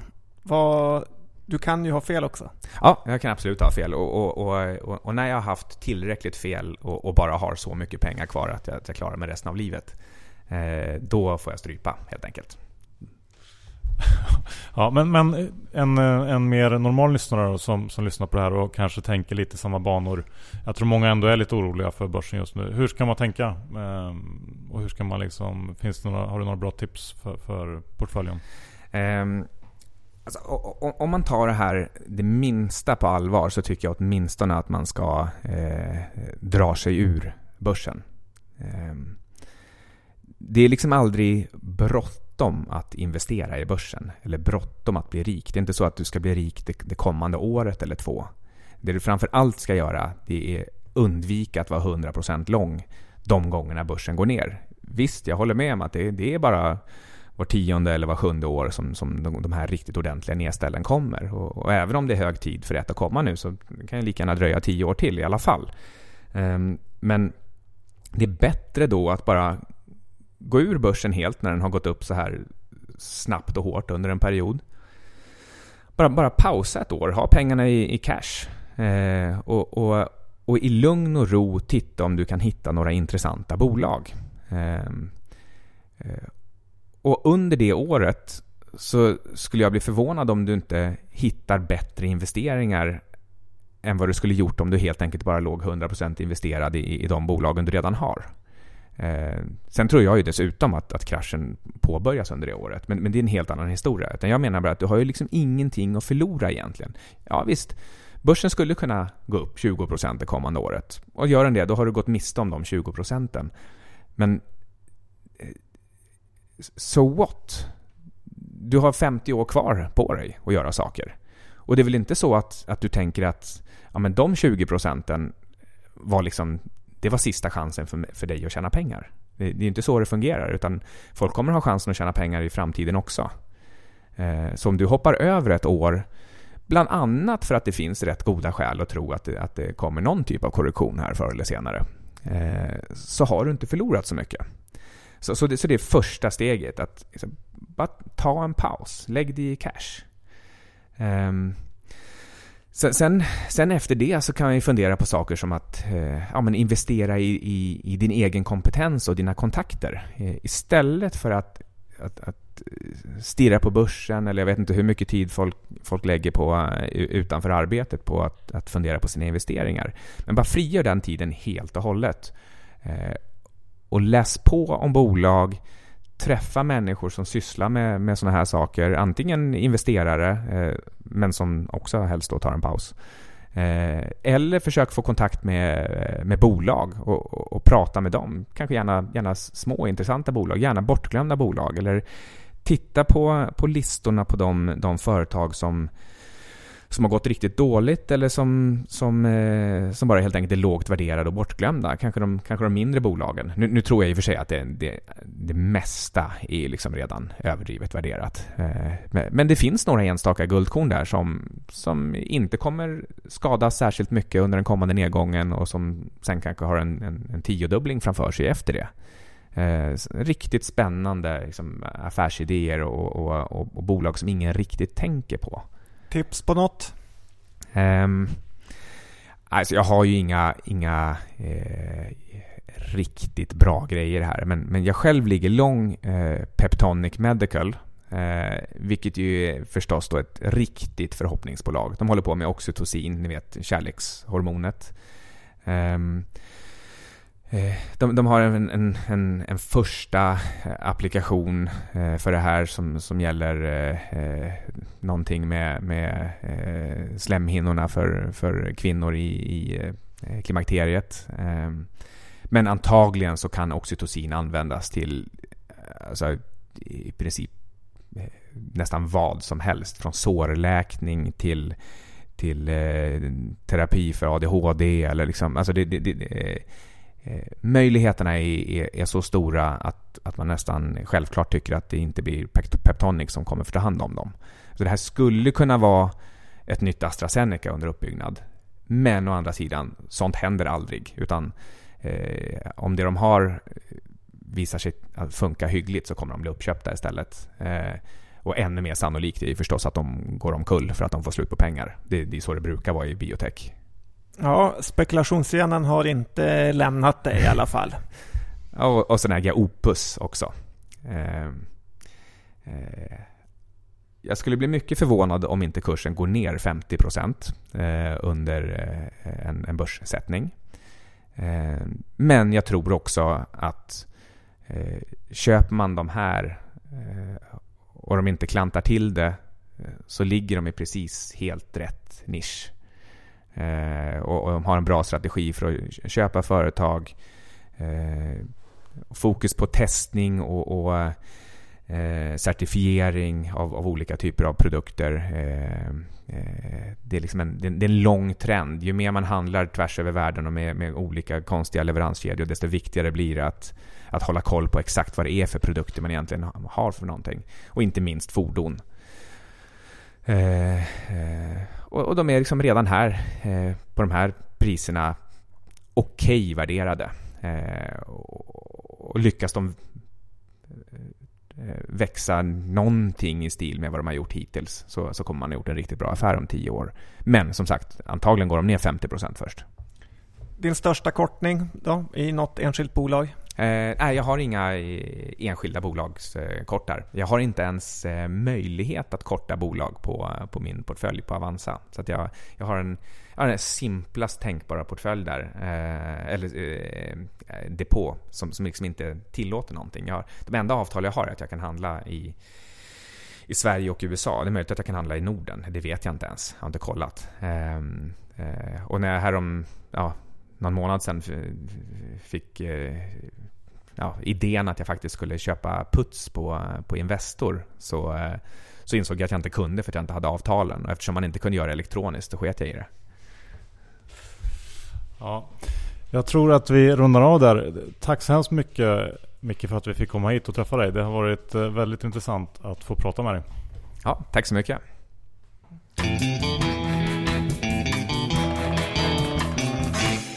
Det här eh, var riktigt kul att träffa Micke och jag hoppas att ni som lyssnade också tycker att det var spännande. Det är ganska svårt att få tag i folk inifrån hedgefondvärlden. Men Börspodden gör allt för sina lyssnare.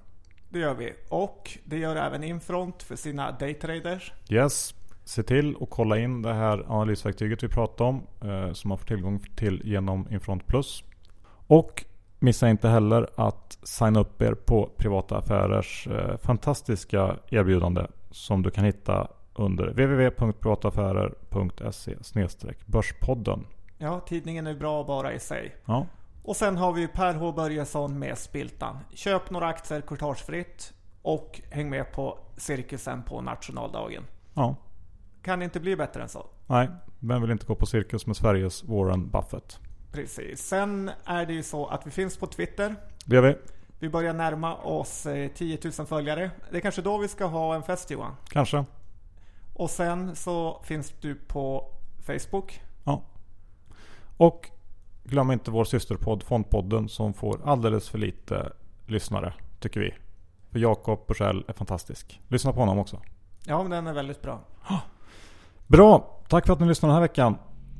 Vi hörs om en vecka igen. Tack och hej! Hej!